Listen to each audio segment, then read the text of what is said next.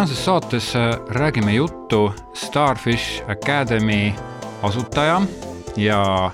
äh, eestvedaja mm, Vallo Arumäega, tere Vallo! tere Uku, rõõm siin olla istume siin äh, ühes niisuguses kontoriruumis, äh, kus on kitsas, äh, aga tegelikult mulle selline kontoriruum meeldib, sellepärast et esiteks siin on vaip maas ja tegelikult siin tekib niisugune nagu intiimsem keskkond, et, et mulle meeldib asju niimoodi täiesti üks-ühele rääkida, et eelmine ruum oleks väga palju suurem olnud, aga selles suuremas ruumis on nagu te,, tekib niisugune tunne, et me oleme nagu just ka kaome kusagile ruumi ära ja lihtsalt ajame juttu, et et mulle meeldib alati niisugune pisut personaalsem jutuajamine äh, selle saate alguseks äh, teeme hm, sellise väikese portree sinust. Äh, kuidas sa üldse jõudsid Starfish Academy'ni, Academy loomiseni ja, ja kust sa tuled mm? -hmm no päris alguses siis ma tulen Tallinnast, olen siin äh, üles kasvanud, lõpetasin reaalkooli ja Tallinna Tehnikaülikooli ja tegelikult päris pikka aega pärast kooli, kooli lõppu töötasin logistika valdkonnas, et, et see nii-öelda äh, koolitusvaldkond ja, ja võib-olla enesearengu ja, ja finantsteemad äh, ei olnudki võib-olla selline loogiline valik, kui esimesi võib-olla tööaastaid vaadata. aga siis äh, kahe tuhande kaheksandal aastal, kui see finantskriis, eelmine finantskriis võttis suuremaid pöördeid, siis ma sain aru, et, et mul on vaja ikkagi oma isiklikud rahaasjad äh, nii-öelda põhjalikult üle vaadata. et, et kuna see väliskeskkond muutub äh, ebastabiilsemaks, siis äh, on vaja võib-olla mingisuguseid ettevalmistavaid samme astuda. ja siis ma avastasin seda, et mul tegelikult ka isiklik finantsaruanne ei näinud päris selline välja, nagu ma oleks tahtnud. ja, ja ma jõudsin kuidagi sellisesse punkti elus, et ma sain aru, et äh, võib-olla elu lõpuni palgatöö ei ole päris see, mida ma tahaksin teha. kuigi see töö oli olnud väga väljakutsuv, väga põnev, mul oli väga palju vastutust. aga ma sain aru seda, et, et ma tahaks ühel hetkel võib-olla saada täielikku kontrolli oma aja üle sa mainisid, et kahe tuhande kaheksanda aasta finantskriis andis sulle justkui põhjuse või ajendi, et, et uurida siis seda valdkonda, milles sa tegelikult tänaselt juba, tänaseks juba tegutsev oled. Mm, järelikult sul pidi mingi eeldus ikka olema mul tegelikult selline majandushuvi oli juba varasemalt olemas, et kui ma äh, keskkooli lõpetasin, siis äh, kui kõik mõtlesid, kuhu õppima minna, aga mul ei olnud ka väga selget nagu tundmust, et mis see valdkond on, aga, aga majandus oli üks selline asi, kus ma tundsin, et okei okay,, see on piisavalt lai, see on piisavalt huvitav, et, et ma teen selle valiku. ja, ja õppides siis seal neli aastat Tehnikaülikoolis äh, ikkagi noh, olles sellises keskkonnas, kus räägitakse nii-öelda rahast ja investeerimisest ja, ja kui see sattus just ka sellisele Tallinna börsi äh, algusaastatele, siis kuidagi see finantsmaailm ikkagi hakkas äh, järjest rohkem nagu huvi pakkuma aga siis see nii-öelda logistika tuli justkui vahele ja, ja siis need teemad jäid veidi nagu tagaplaanile. kuni siis jälle see kriis, ehk see valu oli see, mis uuesti äratas selle teema lauale ja pani uuesti neid asju hindama. Äh, samas äh, pidi olema mingi hetk seal, kus sa tulid nagu töölt ära ja siis pidi olema mingi järgmine hetk, kus sa alustasid Starfish Academy ideega. Äh, kui me nüüd kujutame ette, et me oleme niisugused eradetektiivid ja nagu filmides on, paneme seina peale kaardi ja seal on nagu väga palju pilte ja asju ja siis paneme ühe knopka sinna, kus sa oled ikkagi, töötad äh, logistika valdkonnas, selle ühe knopka paneme sinna, teise knopka me paneme nüüd sinna kohta, kus sa juba oled Starfish Academy's tegutsev ja juba oled saavutanud oma esimesed äh, sellised saavutused. ja nüüd nende kahe knopka vahele tõmbame punase joone, punase, vabandust, punase nööri äh,. nüüd ma saan aru, et tegelikult, kui ma sinuga räägin ja sind vaatan, siis tundub hästi see, et sa oled enesekindel, sa tead, sa õpetad teisi, sa oled inspireeriv muideks väga, aga ometi ma arvan, et seal punase joone peal võis olla midagi, mis, aega, mis oli sulle raske. kas sa saad meie kuulajatele, kes võib-olla on samas olukorras, natuke jagada seda kohta, seda punase nööri kohta mm? -hmm. no ma arvan, kindlasti kõige raskem koht oli see otsuse tegemine, ikkagi see kannapööre teha, sest ma tegelikult selleks hetkeks olin ju päris pikalt valdkonnas töötanud, ma olin selles valdkonnas äh, seal äh, ikkagi nii-öelda tuntud ja ma olin oma nii-öelda karjääri juba selle valdkonna peale ehitanud. ja siis see nii-öelda otsus äh, lahti sellest kõigest või sellest kõigest lahti lasta ja usaldada protsessi, et see uus, mis asemele tuleb, on pikaajaliselt nagu parem, oli ikkagi nagu väga suur samm. ja ma mäletan väga selgelt, kui see oli kaks tuhat üheksa äh, maikuu alguses, kui ma siis äh, kirjutasin paberi peale endale, et, et täpselt aasta aja pärast, esimene mai kaks tuhat kümme, äh, ma olen palgatööst loobunud. ja see, just see viimane aasta enne selle, ütleme otsuse tegemisest kuni reaalselt nagu äratulemiseni oli ikkagi päris keeruline aeg, sest ma ühtepidi olin juba mõtetega tulevikus ja samal ma, samal ajal ma ei olnud veel sellest vanast asjast lahti lastud ja pidin leidma ka lahenduse, kuidas siis see teatepulk anda üle nii-öelda selles ettevõttes siis järgmistele juhtidele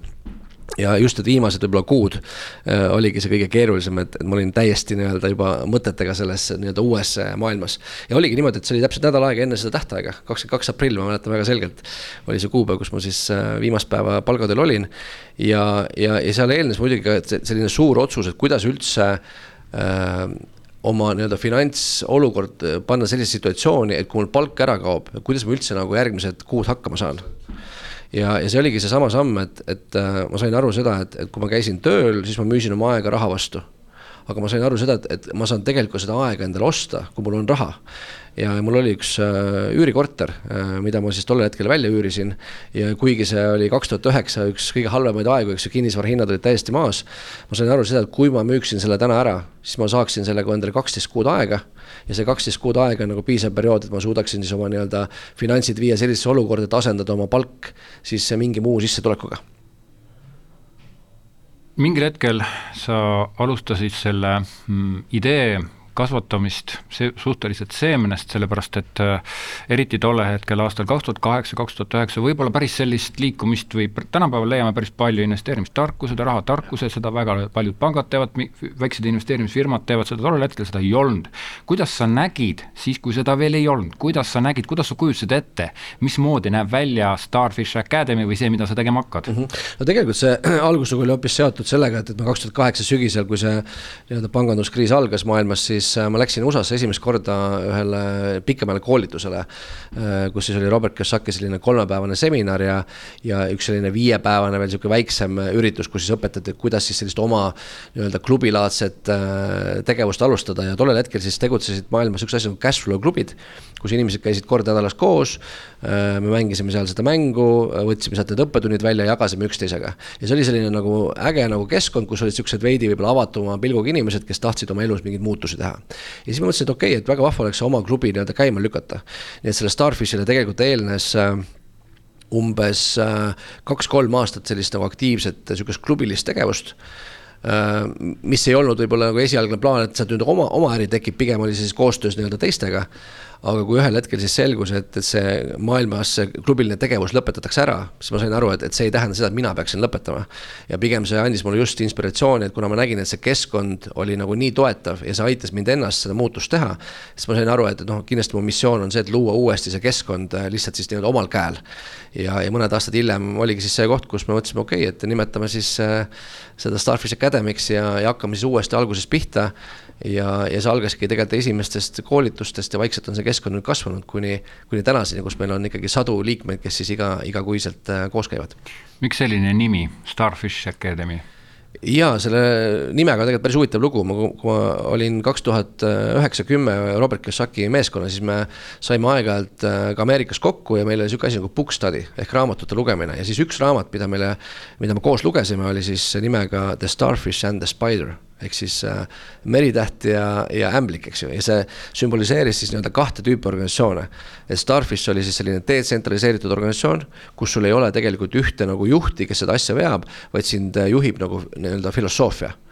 Ja, ja Spider ehk siis ämblik sümboliseeris siis ettevõtet, kes on tsentraliseeritud, kus on siis selline üks hästi tugev juht. Ja kui nüüd see juht peaks ära kaduma, siis tegelikult see nagu ämblik või organism sureb ära aga see Starfishi näide oli just see, et kui sa ka päriselus selle Starfishi nii-öelda selle ühe jala nagu maha võtad, siis mitte ta ei sure ära, vaid see kasvatab need ülejäänud jalad sinna tagasi ja seda ei ole võimalik nagu nii-öelda otseses mõttes nagu ära tappa, vaid see filosoofia on siis see, mis seda äh, edasi viib. ja, ja kuna see filosoofia oli see, et, et liikuda nii-öelda finantsvabaduseni ja, ja, ja tegelikult astuda reaalselt nagu samme elus, et seda muutust nagu teha, siis äh, ma saingi aru, et, see Starfish kuidagi hästi sümboliseeris nagu seda nime, mis me tahtsime nagu teha. Ja, ja kuna me käisime ka äh, pärast selle raamatu lugemist äh, tegime ühe suure ürituse, kus siis Robert Kiyosaki esimest korda käis Venemaal ja me panime selle ürituse nende jaoks kokku, siis pärast selle ürituse lõppu, ma mäletan, Robert äh, ütles, et et, et isegi kui meid ei oleks, siis sa, Vallo, teeksid edasi seda, mida sa teed, ma ütlesin, absoluutselt teeksin. siis ütles, et okei okay,, sa oled Starfish ja, ja see kuidagi, see jäi nagu see, see nimi jäi sealt nagu külge okay.. ja, ja siis, jube hea, jube hea lugu. ja siis, kui see ettevõtte asutamine oli, noh, see oli nagu loogiline, nagu Starfish mm -hmm. Akadeemia, eks ju Need lood on alati väga huvitavad, kust see nimi siis tuli ja kuidas sinna jõutakse ja ma olen sageli kohanud seda, et see nimi on, mm, tegelikult tundub niisugune starfish yeah., aga, aga ta on kuidagi nii sügavalt seotud ja kusjuures see on läbiv tendents, aga ikkagi, see tundub kõik nii, me läksime ja tegime, see tundub kõik nii lihtne. esimesed kliendid sa pidid saama selle jaoks, et starfish oleks elujõuline meritäht, kuidas need esimesed kliendid tulid mm? -hmm. no tegelikult ma ütleks võib-olla, mis oli selline suur võib-olla eelis, oli see, et kuna ma olin selleks ajaks Äh, kui me Starfishiga alustasime, ma olin oma isikliku nagu finantsolukorra ära lahendanud. ehk mul ei olnud tegelikult äh, äh, vaja otseselt sellest ärist nagu saada kohe kasumit et noh, ma arvan, et see on iga ettevõtja jaoks see kõige suurem väljakutse need esimesed äh, paar-kolm aastat, eks ju, kus sa pead mõtlema, et kuidas ma üldse nii-öelda saan ära elatud ja, ja millest ma siis oma igapäevased elamiskulud ära katan. Mm -hmm. aga kuna mõned aastad varem olin siis selle nii-öelda isikliku finantsvabaduse saavutanud, siis ma sain aru, et, et ma võin rahulikult Starfishiga alustada, see, see põhjus, miks ma seda teen, on tegelikult see missioon, et aidata nagu võimalikult paljusid inimesi ja usaldada protsessi, et ühel hetkel tekib selle tulemusena ka kasum tegelikult esimesed aastad me ikkagi nii-öelda maksime kogu selle asjale nagu peale ja, ja lihtsalt mõtlesime, kuidas me jõuaksime võimalikult suure hulga inimesteni. nii et selles mõttes ta ei olnud nagu, finantsilise mõttes ei olnud tegelikult väga lihtne periood absoluutselt ja noh, kui me nüüd nagu fantaseerime, siis äh, ei, tegelikult me ei fantaseeri. kui me vaatame isegi näiteks Google'it äh,, Apple'it äh,, ükstapuha milliseid suuri ettevõtte, Microsofti, siis me näeme, et ka seal on neid harusid, mis tegelikult äh,, mille, mille üle praegu tehakse TikTokis nalja Äh, Google'il vist oli mingi Google, ma ei tea, One või mingi, mingi, mingi niisugune asi, Apple'il on neid tooteid, mida umbes keegi ei mäleta ja pärast sa vaatad, ahaa, niisugune asi on olemas. Microsoft äh, hetkel ma ei, ei, ei tule konkreetselt meelde, aga ka, ka suurtel on olnud neid asju, samamoodi oleks võinud tegelikult ka sinul minna, nii et sul pidi olema ikkagi mingi usk või väga tugev nägemus, et sa nägid, et see asi niimoodi läheb ja Eesti on tegelikult väga kobe pinnas just täpselt sellise äri jaoks no ütleme nii, et ma, ma tegelikult äh, noh, hästi tugev nagu vundament oli just see mõtteviis, mis ma sealt USA-s käies nagu sain. ja ma mäletan seda, et üks selline fundamentaalne mõtteviis oli see, et, äh, et, et sa ei tohi teha kunagi asju nagu raha pärast. et, et universumis kehtib selline reegel, et äh, no see, see näide oli nagu sellest nii-öelda selle, et kui mesilane lendab lille peale, eks ju siis selle lillega juhtub üheksakümmend kraadi midagi nii-öelda maa suunas, eks ju, eks see nii-öelda see tolmlemine toimub nagu sedapidi. ja nüüd, kui see lill on seal maas, siis toimub jälle üheksakümmend kraadi, toimub nagu, nagu maa suunas. ehk siis või noh, ütleme, ma toon lihtsama näite, kui sa lased kivi vette siis need nii-öelda need lained, eks ju, see ripple efekt tekib nagu alati üheksakümmend kraadi, ehk siis, et universumis käivad asjad niimoodi, et see, mida sa püüdma lähed ei ole see, mida sa saad, vaid alati sa saad seda, mis tuleb üheksakümmend kraadise nurga all. ja nüüd mul oli väga selge nagu mõtteviis, et, et kui ma lähen seda raha pärast tegema, siis ma saan hoopis midagi muud. aga kui ma lähen nagu selle missiooni pärast ja selle õige põhjuse pärast tegema, siis see raha on nagu see kõrvalefekt, mis selle tulemusena tekib. ja see oli nagu pigem nagu selline mõtteviis ja lihtsalt usaldada seda protsessi, et need asjad niimoodi käivad, et kui me teeme asja õigetel alustel, see aitab võimalikult paljusid inimesi ja loob neile väärtust, siis küll me lõpuks välja mõtleme, kuidas selle asjaga kasumit saada väga ilus ja tõesti see nagu nii-öelda, ma tunnen kohe, kuidas, kuidas, kuidas see nagu mõjud ja, aga ikkagi, esimesed kliendid, kuidas nad tulid?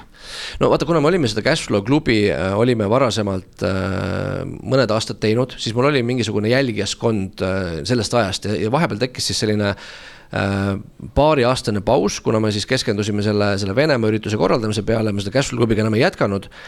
ja, ja siis äh, mäletan seda, et, et ühel hetkel mul tekkis see tunne, et tegelikult see keskkond oli ikka väga nagu äge ja inspireeriv, et, peaks selle kuidagi uuesti nagu käivitama. ja siis ma tegin, äh, see võis olla äkki selline kaks tuhat neliteist äh, augustikuus, ma mõtlesin, et okei okay,, et lükkaks selle uuesti käima, aga, aga ma, ma lükkaks selle niimoodi käima, et ma teen ainult nii-öelda esimesed kümme nädalat teen seda ise aga selle aja jooksul ma pean leidma kellegi teise, kes aitab seda edasi viia. et, et ma ei taha hakata uuesti sama vana asja nagu tegema, vaid leida pigem nagu need liidrid, kes oleks nõus seda edasi kandma. siis, kui ma selle ringi olin ära teinud, siis ma ütlesin, et okei okay,, et äh, kui te tahate, et see asi jätkuks, siis äh, keegi teist siin ruumist peaks võtma selle vastutuse, ma olen teie juures, ma aitan seda teha, aga keegi teine peab seda läbi viima. ja siis ma mäletan, et seal oli, ruumis oli siis kaks inimest kes siis ütlesid, et, et okei okay,, et ma üksinda ei oleks nõus tegema, aga kui me kahekesi koos teeme, siis ma võin seda proovida ja, ja siis seal tekkisidki nad esimesed inimesed, kes hakkasid siis seda nii-öelda klubilist tegevust nagu ise edasi viima. ja nüüd selle raames ma sain hakata siis mõtlema nagu seda suuremat pilti, et kuidas nüüd seda nii-öelda klubilisest tegevusest kasvada ka koolitusteni, nagu pikemate intensiivtreeninguteni ja kuidas hakata seda keskkonda siis nii-öelda suuremaks looma mm. -hmm see oli nüüd arund-, are-, arendusjutt, aga tegelikkuses ütleme see, nagu need esimesed kliendid tulidki selle cash flow klubi peale ja sa niimoodi said need kontaktid yeah., et nad tuleksid sinu mm, ettevõtmisele? no see oli põhimõtteliselt niimoodi, meil oli selline kümnenädalane programm, mida me tegime. Äh, selle kümnenädalase programmil oli siis nii-öelda selline tasu, ma mäletan, see võis olla äkki mingi nelikümmend üheksa eurot, selline hästi madal tasu mm. -hmm ja, ja, ja siis selle rahaga me põhimõtteliselt katsime ära siis oma need ruumikulud mm -hmm. ja, ja võib-olla jäi natukene midagi üle selleks, et siis nendele eestvedajatele ka midagi boonuseks nagu maksta mm. -hmm. aga, aga kindlasti oli just see nagu mõtteviis, et, et me ei saa rohkem kulutada, kui me nagu teenime ja see nagu piiras mingis mõttes ka ära sellega kasvu äh, algusetapis. nii et äh, et, et jah, need kliendid tulid nii-öelda natuke selle vana baasi pealt, aga kuna me hakkasime seda nagu nii-öelda kvartaalselt nagu uuesti ja uuesti tegema, siis ka need inimesed, kes käisid ja said nagu positiivse elamuse, äh, mingis mõttes nagu jagasid oma ringkonnas edasi ja sealt see vaikselt hakkas see grupp nagu uuesti kasvama. kui palju teil täna on liitujaid? No kui ma räägin nüüd siseringist, mis on meie täna nagu see põhikeskkond, eks ju, need on inimesed, kes on siis selle ettevalmistuse läbi käinud, nad on käinud läbi meie intensiivkursused ja nad siis äh, regulaarselt äh, kolm korda kuus osalevad siseringi kohtumistel, siis meil on täna nüüd, äh, kuna me ei tegutse ainult Eestis, vaid tegutseme ka Leedus, et me alustasime tegelikult kaks tuhat viisteist, alustasime siis nagu kahes riigis paralleelselt siis meil on nüüd täna siseringi keskkonnas kahe riigi peale, ma julgeks öelda kuskil kakssada kolmkümmend inimest äkki ja ometigi pidite ka, te ka Leedus alustama ja, ja kuivõrd see cash flow võis olla mingi teada-tuntud asi, siis ka Leedus pidite olema ju suhteliselt sellised tundmatud tegelased, Eestist tulid mingid rikkad onud siia, tegi, teie teadmine koolitus. jah, see päris nii ei olnud, et me lihtsalt läksime, lõime jalaga Leedus ukse lahti, hakkasime nullist tegema, et, et tegelikult sellele eelnes ka äh, üks selline tutvus, äh, mis siis toimus äh, mõned aastad varem, kui siis äh, Äh, ma käisin ühel rahvusvahelisel üritusel, äh, kus siis äh, räägiti ka nagu nii-öelda finantsharidusest ja seal sellel üritusel sattus olema siis ka üks leedukas, kellega me siis saime sellel üritusel tuttavaks. ja, ja kuna ta sai aru, et, et me tegeleme selliste vahvate koolitustega, kus me kasutame ka seda cashflow mängu kui õppimisvahendit, siis ta ütles, et kuule, et teeks Vilniuses ühe ürituse koos ja lihtsalt kutsus kohale, ütles, et mina kutsun inimesed ruumi, sa tule, tee see kahepäevane üritus meile. ja siis, kui me olime selle ära teinud, siis äh, ta kuidagi nagu, see, see teema teda kõnetas, ta sai aru ka, et ta tegelikult tahaks nagu seda edasi teha. siis me hakkasime nagu koos mõtlema ja siis selleks hetkeks, kui see Starfishi asutamine oli, siis me olime juba piisavalt nii-öelda lähedasteks äripartneriteks saanud, et, et mõtlesime, et okei okay,, teeme siis hoopis koos. et, et mina alustan nagu Eestis, sina alustad Leedus, äh, te teete Leedus äh, nii-öelda sedasama asja, et me nii-öelda õpiksime üksteise pealt ka, et kui me hakkame erinevat asja tegema, siis me ei, saa nagu üksteise üksteiselt nii palju õppida. Ja, ja kaks tuhat viisteist augustis, kui me alustasime, siis nad tegelikult äh, põhimõtteliselt samast hetkest alustasid samade koolitustega, samade kursustega, samade, sama siseringiga. ja sealt läks siis. Starfishi nime all. Starfishi nime all, ehk siis Starfish Academy UAB on siis see ettevõte, mis põhimõtteliselt samal ajal ah,. mis on registreeritud. mis on ka Leedus registreeritud, just mm. -hmm nii et me hakkasime nii-öelda seda sammu koos käima ja, ja mis on tagantjärgi võib-olla tarkus olnud see, et. et, et me oleme saanud nagu nii palju üksteiselt nagu mingeid ideid mida me ei oleks võib-olla Eestis saanud, et mm -hmm. öeldakse inglise keeles fail fast, eks ju mm, -hmm. et, et tee mhm. need vead kiiresti ära, et sa õpiksid kiiremini. ja nüüd tänu sellele, kuna meie tegime vigu, leedukad tegid vigu, siis me saime üksteise vigadest pidevalt õppida ja tänu sellele me kasvasime kiiremini. ja nüüd, mis ongi huvitav, on see, et, et, et kuigi see idee võib-olla tuli siit Eestist, siis tänaseks see Leedu kogukond on meil suurem kui Eestis mm okei okay,, ühtepidi rahvaarv on seal suurem, aga, aga seal võib-olla kultuuriliselt inimeste selline valmisolek. Äh, mis see vahekord on Leedu ja teie? meil on praegu Eestis on selline vist veidi alla saja ja Leedus on selline sada äkki kakskümmend või umbes mm -hmm. niimoodi, et noh, selline noh, ma ütleks et, et kaheksakümmend protsenti on võib-olla Eestis sellest Leedu mahust, aga, aga noh, nad kasvavad täna üsna samas tempos mm. -hmm. et leedukate võib-olla see start oli natukene kiirem, aga ütleme, täna me liigume üsna sama rütmi. Need liitujad, kes tulevad teie klubisse, saavad osa teie koolitustest äh, kas sa oskad niimoodi üldiselt öelda, et kas, kas neil nagu läheb hästi või kuidas neil läheb või kuidas, kuidas nad nagu võtavad vastu seda? ma usun, et need, kes seal keskkonnas aktiivselt osalevad, nendel läheb äh, piltlikult igakuiselt järjest paremini, et. et sa ikkagi tõstad selle teema nagu endale aktiivselt laua peale. sul on inimesed, kellega sa saad koos neid asju arutada ja, ja, ja tegelikult lõpuks see edu tuleb ju nendest väikestest sammudest nagu pika perioodi jooksul mm. -hmm. et, et öeldakse seda, et me, me nii-öelda ülehindame seda, mida me suudame ühe aastaga saavutada, aga me alahindame seda, mida me suudame kümne aastaga saavutada, ehk kui me teeme neid väikseid sammu nagu pika perioodi jooksul, siis see muutus on nagu väga-väga suur. ja, ja võib-olla kõige suurem üllatus ongi olnud, et, et inimesed, kes on sinna siseringi tulnud, kellel ei ole tegelikult mingisuguseid eelteadmisi, kes ei ole nende teemadega nagu üldse tegelenud, teevad tegelikult selle, isegi sellise esimese kahe aasta jooksul nagu päris märkimisväärseid muutusi, mis nagu parandab seda majanduslikku olukorda ja nad saavad nagu selge plaani, äh, kuidas siis jõuda selle olukorrani, et sul varad hakkavad ühel hetkel su kulusid maksma. Äh, on sul mõni konkreetne lugu ka äkki tuua niimoodi kiiruga siia mõnest inimesest, kes tundus suht lootusetu, aga siiski saades abi teie sellelt Mm, kuidas öeldakse, GPS-ilt või, või niisuguselt äh, inimeselt, siis on saanud midagi? nojah, mul lihtsalt praegu meenub siin näiteks see Jane, üks siseringi liikme näide, kes siis tegelikult oli selline neljakümnendate keskel Äh, naisterahvas, kes oli just siis äh, lahutanud, kes ei olnud finantsteemadega kunagi tegelenud, siis see oli tema justkui nii-öelda abikaasa teema. ja, tuli tegelikult täiesti nagu valge lehena, ta ei olnud kunagi ettevõtlusega tegelenud, polnud kunagi investeerimisega tegelenud. ja kui ta sai aru, et, et, et mille peale see rahamäng üldse käib et, et et, et sul on vaja tegelikult hakata nagu teadlikult endale varasid looma ja kui sa nüüd saad selle mõtteviisi kätte, sa hakkad otsima nagu iseenda isiklikust nii-öelda vaatest neid lahendusi ja, ja tegelikult ta tegi päris äh, lühikese aja jooksul nagu väga suuri nagu muudatusi, kus ta siis seal äh, nii-öelda vahetas oma elukohta, üüris selle äh, üüris selle välja, ostis endale korteri, tuli siis siseringi kaudu osanikuks ühte ettevõttesse, mis siseringi liikmete vahel moodustati see tegelikult kõik juhtus piltlikult ühe aasta jooksul. nii et inimene, kes ei olnud ettevõtluse investeerimisega kokku puutunud, tegelikult nagu sattus justkui sellisesse nagu keskkonda, mis tõmbas teda kaasa ja täna ta väga aktiivselt tegeleb oma ettevõtte ja äri Äh, kasvatamisega ja kindlasti nagu liigub äh, samm-sammult selle finantsvabaduse poole. nüüd kindlasti peab ütlema seda, et see finantsvabaduse saavutamine on, on nagu pikk protsess, et see ei ole niimoodi, et ma täna alustan ja ma olen poole aasta pärast vaba, eks ju. vaid see on ikkagi igaühe see teekond on, on väga erinev, noh, minu enda näitel äh, selles päevas, kui ma otsustasin õppima hakata, selle hetkeni, kuni ma finantsilised vabaduse sain, mul oli, mul läks kolm aastat, aga ma tegelesin sellega iganädalaselt kolm aastat järjest nüüd võib-olla selline tavaline inimene, kes võib-olla nii aktiivselt ei tegele, noh, selline võib-olla viieaastane perspektiiv võiks olla täiesti realistlik nagu perspektiiv, mille suunas liikuda. aga nüüd see küsimus ongi sulle, et kas viis aastat äh, nii-öelda teistsugust käitumist, võib-olla teistsugust finantsdistsipliini on väärt seda, et ma ei peaks elu lõpuni raha pärast muretsema? selle küsimusega läheme siit väikesele pausile ja õige pea tagasi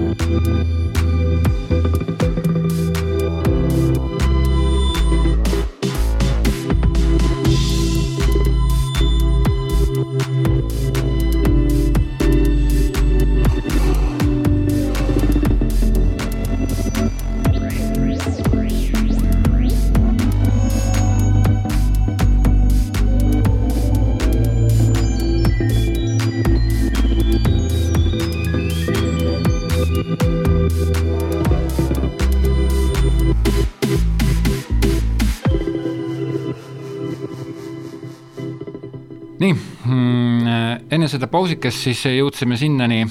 et kuidas inimestel läinud on ja et see ikkagi võtab aega ja tegemist, nagu ma aru saan, on mõtteviisiga. ja, ja tõesti see inspiratsioon ja see mm, nii-öelda asi, mida sa edasi annad, siis tundub mulle rohkem see, et mm, minu jaoks tundub nagu vähemalt äh, inspireerivam see, kui, mis on sinu suhtumine, kui see, et mis on sinu teadmised, sellepärast et sinu suhtumine võib-olla annab mulle rohkem eeskuju kui see konkreetne teadmine, et osta kulda või osta kortereid kokku. aga läheme nüüd ikkagi selle Starfishi, Starfish Academy juurde tagasi ja sa rääkisid Meri Tähest kellel üks jalg kasvab tagasi. kui ma uurisin Starfishi kohta, siis tegelikult mul on niisugune küsimus, et kas Starfish on ma tean su vastust, aga loodan, et sa põhjendad, kas ta on pigem persooni bränd või pigem nagu mingi nii-öelda bränd, kes aitab inimesi saavutada finantsvabadust? jaa, no tegelikult on hästi teadlikult äh mitte bränd, mitte isiku bränd ja võib-olla see on ka see, miks ma võib-olla isiklikult olen nii-öelda rohkem nagu tagaplaanil olnud, sest ma ei ole kunagi tahtnud äh, võib-olla olla ise see nägu. ja just nagu selle mõttega, et, et kui ma saan aru seda, et kui ma loon nagu rahvusvahelist äri, siis äh, see peab olema nagu ärisüsteem. Ja ärisüsteem ei ole kunagi üks inimene, ärisüsteem on alati nagu palju inimesi, kes teevad ühise eesmärgi nimel asja. Et see oli selline teadlik valik, et, et me loome ikkagi nagu ettevõtte, me loome organisatsiooni, me ei loo nagu isikubrändi, nüüd loomulikult see isikubränd toetab seda ja, ja ka tegelikult nagu viimastel perioodil ma olen ka nii-öelda võib-olla rohkem tänu sellele pildis olnud, kuna ma saan aru, et need mõlemad koos tegelikult äh, toetavad üksteist väga hästi. aga see oli võib-olla pigem selline strateegiline otsus. Just ka selle mõttega, et ühel hetkel nagu luua selline süsteem, kus see väärtus ei tule ju minu teadmistest, vaid see väärtus tuleb sellest keskkonnast ja kogukonnast, mis me oleme loonud. ja need inimesed tegelikult omavahel saavad üksteist nagu aidata. ja, ja ma tegelikult nii-öelda võin olla see nii-öelda võib-olla avalik äh, nii-öelda nägu või olla seal nagu juures, aga tegelikult see väärtus tekib sellest, et inimesed omavahel koos kasutavad seda keskkonda. eks see keskkond on nagu, ma toon alati sihukese paralleeli, et see keskkond on nagu jõusaal et kui sa lähed, kui sa ostad selle kümne korra kaardi jõusaali, ega selle tulemusena mitte midagi ei juhtu, kui sa tuled siseringi, ostad siis siseringi pileti, siis ega selle tulemusena midagi ei juhtu, sa pead hakkama reaalselt midagi tegema. Ja nüüd, kui need, need intensiivkursused, mis siseringi viivad, on sellised ettevalmistavad, et sa saad piltlikult nagu sellise treeningkava ja sa saad sellise mõtteviisi, kuidas sa üldse nii-öelda oma musklit kasvatada saaksid. ja nüüd on see, kui sa ütled, okei okay,, ma tahan hakata seda tegema, siis sisering on nagu selline praktiline keskkond, kus sa hakkad seda asja nagu ellu viima ja, ja, ja, nüüd, ja nüüd ongi see, et, et kui sa tuled nagu sinna ja mitte midagi ei tee, siis ega sellest nagu kasu ei ole. see, ma saan sellest täiesti aru, aga lihtsalt äh, olen ka eelnevalt kogenud päris palju seda ettevõtjate puhul, et need, kes hakkavad tegema, neil on mingi visioon, nad peavad enda ümber kasvatama töötajaid ja neid teisi inimesi, kellel on ka see visioon, aga ometigi on nemad nagu juhid. ühelt poolt oli sul enne visioon, sa olid nagu poisike, kes mängis nagu puutükiga, millest pidi saama paate ja korraga sa said aru, et sa pead tegelema niivõrd palju muude asjadega siin, personaliga, rahadega, käibega, mingi maksuametiga, ma ei tea, kellega veel ja teiselt poolt olen ma näinud nagu sellist asja, et need, kes hakkavad nagu tegelema ja ettevõtlust äh, nagu vedama ja, ja siis nad kipuvad jääma ise selleks ankruks, nad kipuvad jääma ise selleks vähemalt äh,, kujutame ette noort Postimehe ajakirjanikku, kes tahab otsida, kuule, otsi mulle sealt välja, sealt äh, finantsvaldkonnas keegi, kes nagu mingi, tuleks, annaks mingisuguse lausungi selle asja kohta. ja siis oled sina see kas, kas sul seda, tähendab, sa oled tegelikult, nagu ma aru saan, väga osavalt sellest äh, eemale läinud, aga kas sul pole seda, seda tunnet, et tegelikult ikkagi peetakse sind selleks starfish'iks? Ma arvan, et nii-öelda siseringi ja, ja nii-öelda nende sees, ütleme ettevõtte sees, kes meil täna liikmed on, et. et loomulikult ma olen võib-olla see esimene nägu, keda nagu teatakse, aga, aga nad ühel hetkel ikkagi saavad selgelt aru sellest, et see väärtus tuleb liikmete vahelisest nii-öelda suhtlusest. et see, et me omavahel saame kokku, et me teeme siukseid võib-olla fookusgruppe mingite teemadega, mis neid inimesi kõnetavad. ja, ja seal on inimestel on laual ju siuksed teemad, millest võib-olla mina üldse ei räägi, eks ju, kuidas, ma ei tea, kuidas vabaneda oma halvast võlast või kuidas teha oma esimene kinnisvara investeering, et, et sa pigem on sul põnevam rääkida nende inimestega, kes on selles etapis, kus sina täna oled ma saan väga hästi aru, sa räägid just sedasama asja kogu aeg, et sa räägid sellest ettevõtte enda sisesest tööst ja, ja mind huvitab tegelikult rohkem ka see, mis, mis nagu Starfishist väljapoole ulatub, sellepärast et kui ma ennast vaatan kõrvalt, kuna ma olen töötanud üle kahekümne viie aasta reklaaminduses, siis äh, minu jaoks on kõva näitaja, kõva, kõva näitaja juba see, mina ei tea teist midagi, aga ma olen teie nime kuulnud, järelikult teil on spontaanne tuntus, te olete kuidagi jõudnud ja. minu teadvusesse, kuida-, kuidas te selleni ja. olete jõudnud? see, see on absoluutselt täpselt sama põhjusega, et, et meil on ikkagi nagu teadlikult nagu meeskond, kes seda asja nagu ehitab ehitab, meil on täna, ma ütleks suures plaanis äh, umbes kaksteist inimest täna, kes Eesti tiimis meil toimetavad. ja, ja võib-olla üks selline eripära, mis me täna teistmoodi teeme kui enamus organisatsioone või millest ei ole väga palju rääkinud, on see, et me kasutame sihukest juhtimispõhimõtet nagu holakraatia. ja holakraatia tähendab siis ilma juhtideta juhtimine. mis tähendab seda, et sul on põhimõtteliselt organisatsioon, kus sul ei ole ühte juhti, kes annab sulle ülevalt alla käske vaid sul on see, et kogu organisatsioon on selline nii-öelda lame struktuur ehk siis mingis mõttes nagu jällegi iseloomustab sedasama Starfishi filosoofiat, et sind ei juhi nagu üks juht, vaid sind juhib see filosoofia. nüüd on see, et meil on väga selgelt paigas missioon, miks me seda asja teeme, me teeme seda selleks, et aidata ettevõtlikel inimestel saavutada rahaline vabadus nüüd meil on olemas täna inimesed, kellel igalühel on mingisugused kompetentsid oskused. kes on äh, seal digiturunduse spetsialist, kes on äh, võib-olla personalivaldkonna spetsialist, kes tunneb nagu ärisüsteeme. kes oskab võib-olla seal nii-öelda mingite tehnoloogiliste platvormide osas nagu lahendusi leida. ja, ja nüüd igaüks selles oma lõigus on sada protsenti vastutaja ja otsustaja, kuidas seal asju tehakse ehk siis sul ei ole nagu ühtegi nagu ülemust, kes tuleks sulle ütlema, ehk siis täna me oleme loonud Starfishiga sellise ettevõtjate organisatsiooni, kus äh, kõik, kes nii-öelda meil siis äh, nagu panustavad selle missiooni elluviimisse, on omas valdkonnas nagu spetsialistid, kes teavad seda, et keegi neile otseselt käsklusi ei anna, aga mida me koos järgime, on see strateegia kuhu me Starfishiga tahame jõuda. Ja igaüks siis mõtleb oma rollis, kuidas tema saab strateegiasse nagu panustada et kui ma oleks hakanud seda üksinda tegema, ilma meeskonnata, no siis kindlasti me ei oleks täna äh, võib-olla nii, nii palju pildis või sa ei oleks tõenäoliselt meist varem kuulnud. aga, aga tänu sellele, et, et meil ongi nagu erinevad inimesed, kes nagu panustavad ja, ja kes aitavad ka meid nii-öelda turundada, me teeme väga palju erinevaid üritusi ja, ja olles ka sotsiaalmeedias nagu pildis, siis see kõik aitabki sellele kaasa see on küll üks väga hea nõuanne mm, ka teistele ettevõtjatele, kes võib-olla plaanivad oma ettevõtte alustamist, sest et seda ma olen hästi palju tundnud, kuidas need äh, süsteemid ei ole isegi mitte süsteemid, et ülevalt alla, nagu sa ütlesid, noh, et üks on ülemus ja siis ta annab käsklusi tahes-tahtmata, vaid see on nagu arhetüüp, mis on inimese sisse ehitatud, ta ei saa, sa ei saa sellest lahti, kuigi sa ka nagu väga tahaksid, aga kuidas näeb välja teie tavaline iga päev. mida te teete hommikul, hommikust õhtuni või kuidas, kuidas te tegutsete? me tegelikult tegutseme nii-öelda üsna sellise nii-öelda individuaalselt nagu väiksemates gruppides. Äh, me saame täna nii-öelda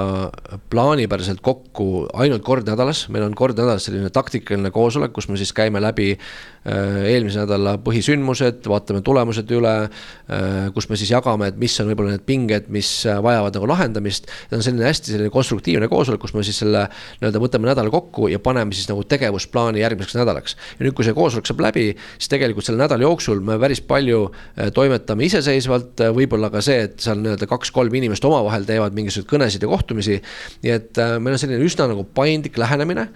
ja me oleme seda teinud nüüd tegelikult ju aastast kaks tuhat viisteist alates, ehk siis viimased kaheksa aastat. nii et, et, et siiani on see meid kenasti nagu, nagu toitnud ja, ja võib-olla üks asi veel, et mis on hästi teadlik otsus olnud, et, et, et millegipärast see ettevõtjate ja palgatöötajate mõtteviis on ikkagi väga erinev. ja, ja vahest on seda väga keeruline nagu selgitada, et, et see just väljendub selles vastutuse võtmises. ja just see, et, et meil on inimesed, kes saavad aru, et nad peavad otsuseid tegema me, me, me nii-öelda ei karista vigade eest, vaid me pigem otsime lahendusi, aga nad saavad aru, et, et see on nagu turvaline otsuseid vastu võtta ja võtta ka vastutus selle töö eest. ja, ja, ja palgatöötajad on pigem need, kes võib-olla ootavad mingit korraldust. ja, ja me ei ole täna see koht, kes annab nagu tööülesande korraldusi, kui tuleb näiteks inimene, kes ütleb, et ma olen ettevõtja, aga samal ajal ikkagi ootab nagu neid töökorraldusi, siis ühel hetkel ta ei tunne meie organisatsioonis sellest väga mugavalt, sest me ootame täna nagu vastutajaid ja, ja selle tulemusena tekib ka see sünergia. kuidas käib teie turundus meil on täna tegelikult selline turundustiim, kes siis äh, vastutab meil sotsiaalmeedia eest, meil on inimesed, kes siis tegelevad siin äh, nii-öelda sotsiaalmeedia reklaamidega, inimesed, kes panevad nii-öelda neid reklaame kokku, kes vastutavad meie Instagrami, Facebooki ja LinkedIni lehekülgede eest. nii et ma ütleks, seal on selline kolm-neli inimest, kes piltlikult igapäevaselt nende asjadega toimetavad kas sa saad meile ka öelda mingise kasvõi suurusjärgu, et kui suur on teie turunduseelarve? Ehm, suurusjärgus ikka saan, selles mõttes, et kui ma mõtlen praegu see, et ma täna tegelikult päris palju turundame ennast läbi Facebooki reklaami, eks ju, kui me teeme siin neid äh, tasuta webinare, mis me teeme täna umbes selline paar korda kuus,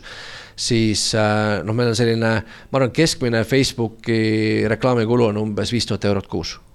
et see on ka jälle see, et, et võib-olla noh, kui sa oled alustav ettevõtja, siis mõtled, et,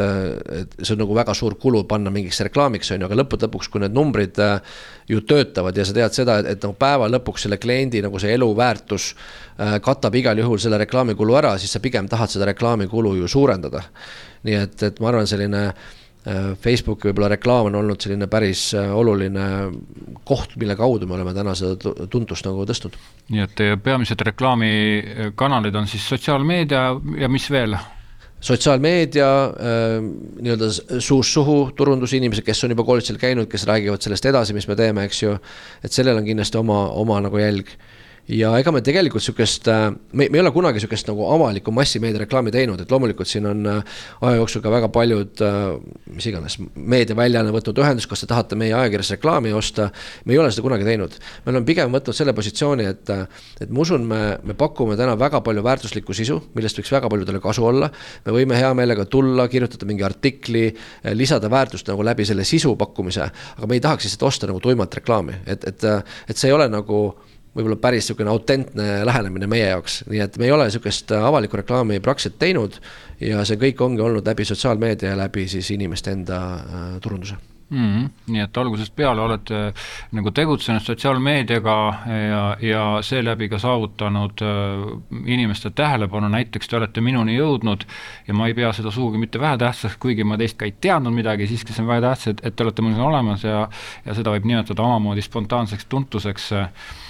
äh, no loomulikult needsamad, see, et ma täna sinu juures olen või, või mm, -hmm. või mhm. mõnes podcast'is käin ka rääkimas, et see lõpuks aitab kõik sellele nagu kaasa mm. -hmm. ja, ja selles mõttes, selles mõttes isikubränd on nagu ka oluline, et on vähemalt keegi, kes, kes on nagu eestkõneleja või kes neid mõtteid nagu jagab ja, ja sealt jällegi mõnel kuulajal tekib äkki huvi siis uurida lähemalt, mis see Starfish on ja, ja kuidas mina saaksin sellest kasu. siit kõlab välja hästi palju seda, et, et tegelikult äh, suur osa teie et, ettevõtmisest äh, juhindub sellest äh, nägemusest, mis sinul on, on olnud ja mm, Cashflow klubi oli üheks verstapostiks, üheks mõttekiviks, sealt edasi ilmselt arenes sinu ideega nagu edasi, ilmselt see, see visioon, millest me saate alguses rääkisime, see on, peab olema tänaseks muutunud, et, et, et kui palju nüüd see algne mõte, kuidas ta tänaseks on muutunud, milline see areng on olnud? see on väga hea küsimus ja ma arvan, see muutubki alati. ehk siis, kui me alustasime kaks tuhat viisteist Starfishiga, siis me ei oleks kunagi arvanud, et me teeme nagu fookusena täna seda, ehk siis just seda keskkonna, siseringi. et kui me alustasime, olime ikkagi selline koolitusettevõte, kes pakkus koolitusi. aga meil sai üsna kiirelt selgelt nagu selgeks see, et, et me tegelikult äh, sellest koolitusest ei aita sul on vaja nagu seda toetavat kohta, kus sa saad käia, kus on sarnaselt mõtlevad inimesed, kellega sa saad koos kogemusi vahetada ja neid asju nagu praktikasse viia. ja siis ühel hetkel me saime aru, et äh, ütleme, kui sa tahad üldse elus tulemust saavutada, sul on nagu kolm etappi, esiteks on õppimine teine on nagu elluviimine ja kolmas on siis teistega jagamine, siis see teistega jagamine nii-öelda kinnistab ja võimendab seda õppetundi. nüüd oli see, et, et meil see õppimise pool oli kenasti olemas aga me saime aru, et tegelikult nagu tulemustele avaldab kõige rohkem mõju selle elluviimise keskkonna loomine. ja, ja kui me hakkasime seda siseringi nagu tekit-, nii-öelda looma, siis tegelikult selle tulemusena hakkasid sellised äh, edulood nagu tekkima. siis me saimegi aru, et tegelikult see siseringi kogukonna loomine on meie jaoks tegelikult see number üks teema, et need, need koolitused on täna lihtsalt nagu ettevalmistav, toetav protsess. et sa saaksid nagu selle õige mõtteviisi ja saaksid nagu enda sees selguse, et ma tahan seda muutust teha. ja mul tekib selline võib-olla esialgne nagu visioon, et kuidas mina saaksin seda teha. aga nüüd see töö algab tegelikult selles kogukonnas. Ja, ja kui sul ongi inimesed, kes on keskendunud nende asjade ärategemisele, siis äh, seal tekib väga palju ideid ja, ja ma ütlen, kuni tänase päevani ma ise õpin sealt samamoodi kogu aeg mingeid uusi mõtteid, sest mina selle peale ei tuleks. aga võib-olla mingi seltskond äh, tuleb selle idee peale ja ma saan tegelikult ju need teadmised ka nii-öelda enda äh, elus tööle panna, eks ju nii et äri, äritegevus ikkagi mm, muutub algusest kuni, kuni lõpuni ja see lõpp ei ole mitte nagu öeldud lõpuni, vaid lõppe, lõpuks nimetame praegust hetke, ehk siis praeguse hetkeni, kuna me elamegi hetkes. nüüd täna on meil aasta kaks tuhat kakskümmend kolm, millisena, ometigi sa pead praegu, sul peab olema mingi visioon, et kaks tuhat kolmkümmend kolm, kui, kus, kus kohas sa näed või millised on sealsed suunad mm? -hmm. no me näeme ikkagi, et, et me oleme nii-öelda äh, nii-öelda üks mõjukaimaid investeerimise ettevõtluskogukondasid Äh, mitte ainult Eestis, vaid ka rahvusvaheliselt. ja ma usun, et see Leedu, Leedu ja Eesti kindlasti ei jää nagu ainukesteks kohtadeks, et täna me oleme siin väga palju töötanud selle nimel, et, et see nii-öelda ärisüsteem nagu tööle panna, kus siis tegelikult äh, me näeme, et juba see, mis me täna teeme, annab inimeste eludes väga märkimisväärseid nagu tulemusi. ja see annab ka nagu selle julguse, et sellesama mudeliga me saame tegelikult liikuda ka järgmistesse riikidesse, nii et, et ikkagi selline noh, kas nüüd äh, kas nüüd äh, globaalne, aga, aga vähemalt kindlasti nii-öelda Euroopa ja võib-olla mõned suuremad riigid veel, kus need needsamad siseringi kogukonnad siis nii-öelda toetavad siis neid kohalikke inimesi, kes siis tahavad seda muutust oma elus teha. nii et äh, põhimõtteliselt sa näed nagu laien-, laienemist näed tuleviku suunana? jah, absoluutselt, et, äh, et miks hoida nagu head asja nii-öelda vaka all, eks, et et loomulikult on igasugused klubilisi tegevusi ka erinevates riikides olemas, aga ma arvan, et see kontseptsioon, kuidas me oleme selle üles ehitanud ja see on tulnud nagu nii õigetele alustele, eks ju, et see on iga igal sammul mõeldud, et kuidas see samm aitaks maksimaalselt seda inimest. ja, ja, ja see, mis täna on nagu valmis, ma arvan, seda saab juba nii-öelda duplitseerida ka teistesse riikidesse. kui ma nüüd vaatan siis üldse kogu finantsvaldkonda, siis ma pean tunnistama, et mina ei ole kõige pädevam inimene finantsvaldkonnast rääkima, aga kuna ma olen ka juba aastakümneid töötanud reklaaminduses ja sealhulgas teenindanud niisugust ettevõtet nagu Hansapank, Swed, SEB pank praegusel hetkel, kas Swedbank kunagi, eks ole, agentuurina, teisi, teistega olen ka väga palju rääkinud, nii väiksemaid kui suuremaid, ka investeerimisfirmadega, siis ma tean seda, et kusagil see kahe tuhande kaheksas aasta oli ka mingit pidi mingisuguseks murranguks, võib-olla ma eksin, aga sealt kusagilt peale seda hakkas tekkima päris palju, esiteks tulid need väikelaenud hästi palju, mis olid suunatud just nimelt vaestele inimestele. Ja see on kapitalisti point, et okei okay,, võtame vaestelt ka raha ära, ühtepidi super, teisipidi tekitab väga palju probleeme, väga raske turg. sealt edasi on tekkinud ka väga palju investeerimisfirmasid, eh, investeerimine on levinud väga, väga laialdaseks, ehk siis eh, ja samamoodi ka finantshariduse temaatika on läinud väga populaarseks ja, ja noh, mina, eh, mis ma siin tunnistan pattu, eks olen, olen kuulanud kuulanud viimasel ajal väga palju just nimelt, äh, kuna ma tahan soome keelt praktiseerida, üle Puhe raadiot. ja mulle jubedalt meeldis, kuivõrd lihtsalt, kuivõrd lahedalt seal räägiti nagu investeerimisest, see oli niisugune infolõik, seal on mhm. vahel niisuguseid jupi, jube hästi, õudselt hästi räägitakse. ma selle pika jutuga ma tahtsin jõuda sinu konkurentideni et tegelikult ja kui sa näed tulevikuplaani, kas sa näed ka seda, et, et sa, et sa nagu Eesti, Eesti turg on tegelikult niivõrd väike, kui me seda Eesti turgu vaatame ja tavaliselt ükstapuha, millist äri sa vaatad, siin on alati, alguses tundub, et džungel ja mitte kedagi pole ja järgmisel hetkel sa näed, kuidas sinu kõrval on täpselt sinu suurused loomad, nii, nii suur kui sina ja sa pead olema lihtsalt oma nii-öelda hoidma seda tasakaalu. millisena sa näed konkurente tulevikus? ja kas neid üldse on? jah, ütleme niimoodi, et noh, jah, sõltub, mis vaatevinklist nagu vaadata, eks ju, et ma, ma näen ikkagi seda, et, et, et täna on väga palju inimesi, kes äh, aitavad seda finantsteadlikkuse Eestis tõsta ja me tegelikult oleme ju Äh, kõik üks nagu suur kogukond, et ma, ma ei näe täna ühtegi nagu finantshariduse pakkujat või, või rahatarkuse eestkõnelejat kuidagi nagu konkurendina, pigem ma näen seda, et me teeme kõik nagu ühist asja, see on ülitänuväärne tegevus. ja see probleem on nagu nii palju suurem, kui isegi kõik need inimesed, kes mm, täna seda eestkõnelemist teevad, suudaksid nagu ära täita. täitsa nõus. ma selles mõttes ei näe nagu kedagi konkurendina, pigem ma hea meelega äh, tee, teeme nii-öelda koostööd äh, nende inimestega ja, ja võib-olla ka see kogukond, mis me täna teeme, on ka natuke teise nurga alt, kui teised nagu teevad teevad, et, et ka ütleme sellist nagu analoogset võib-olla äh, keskkonda, kus inimesed füüsiliselt koos käivad ja, ja tegelevad siis nagu ettevõtluse ja investeerimise teemadega nagu sügavuti.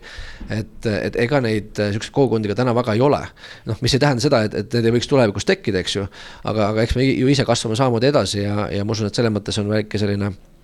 võib-olla edumaa nagu olemas, aga veel kord, ma, ma ei näe täna ühtegi konkurenti Eestis ja, ja noh, ma võib-olla seda globaalset pilti veel nii hästi nagu ei taju, mida seal kõike tehakse, aga ma usun, meil on üsna nagu unikaalne lähenemine asjale ja ma usun, et see võiks edu saavutada ka teistes riikides. Kui ma rääkisin ülepuhest, siis see, see tonaalsus, kuidas seal investeerimisest räägiti, oli hästi sõbralik, hästi niisugune kättesaadav, hästi tore, hästi niisugune inimlik ja, ja mingit taolist vibe'i ma tunnen ka nagu sinu jutus sa oled oma intervjuudes mm, vihjanud ja rääkinud sellest, et ka tegelikult lapsi tuleb harida, saate lõpuks veel viimane küsimus, et kas sinu lapsed on kõik äh, finantsteadlikud? Tead, mul on äh, lapsed alles päris väikesed, et äh, eks ma vaikselt. aga ikkagi, klatsidel on euromärgid peal? jaa, absoluutselt, tegelikult oligi hästi vahva kogemus, ma just Äh,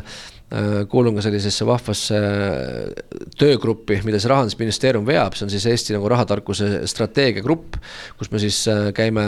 seal aasta, aastas paar korda koos selleks siis arutada, kuidas seda nii-öelda rahatarkuse strateegiat ellu viia, et seal on siis kõik nii-öelda pangad, seal on nii-öelda koolitajad, seal on nii-öelda haridusasutused nii-öelda ja nii edasi. ja, ja nüüd ongi see, et, et, et sealt ma just sain sellised materjalid, mida siin oli välja töötatud siis laste ja lastele, eks ju, et mis on väga positiivne positiivne täna. et kui siin viisteist aastat tagasi sai öelda seda, et, et kuskil koolis ja lasteaias ei räägitud üldse rahatarkusest, siis täna tegelikult väga teadlikult tegeletakse nende materjalide nagu arendamisega. ja ma just äh, sain sealt kaasa mingid lasteaiamaterjalid, mida me siis oma nii-öelda poisiga koos siis kodus nii-öelda testimise mõttes äh, nagu äh, läbi vaatame. ja eks ma siis saan nagu jagada, et kuidas see nagu asi töötab, nii et, et, et jällegi need materjalid on olemas ja noh, üks eesmärk on see, et kasvõi siinsamas oma lasteaiagrupis siis see materjal seal kõikidele kasutusse võtta kas ma jätsin midagi küsimata või tahad sa midagi veel lisada saate lõppu? noh, teemasid on nagu palju, aga ma ütleks nagu seda veel kord, et, et me oleme täna loonud sellise äh, keskkonna äh, just nagu ettevõtjatele, investoritele, ehk siis kõik, kes äh,. ütleme, meil, meis kõigis on see ettevõtja peidus ja meis kõigis on see investor peidus. aga vahest on see, et me kuidagi arvame, et me oleme nii-öelda noh, kes meie oleme, et neid asju nagu teha ja, ja mingis mõttes võib-olla äratada ka inimesi natuke üles, et, et, et eriti niisuguses nagu keerulises majanduskeskkonnas, nagu me täna uuesti oleme, et on natuke selline déjà vu selle viieteist aastase taguse aja, kui ma ise seda teekonda alustasin, kus see väliskeskkond läheb ebastabiilsemaks ja just sellel ajal tegelikult tekivad need äh, ettevõtjad ja tekivad need inimesed, kes seda muutust äh, otsivad. nii et, et kui sa nagu vähegi usud, et, et sust võiks selline ettevõtlik inimene saada ja, ja, ja sa näed, et, et investeerimine ei ole ainult mingisuguste eriliste inimeste teema, et siis sa oled kindlasti nagu teretulnud ka siseringi. Nende sõnadega saate lõpetame, aitäh saatesse tulemast, Vallo Arumäe, Starfish Academy eestvedaja aitäh Uku kutsumast! ja mina olen siis Uku Nurk, podcaster, koolitaja ja brändikonsultant ja kuulake ärisaadet siis järgmises saates juba Uued inimesed ja uued lood. Kuulmiseni!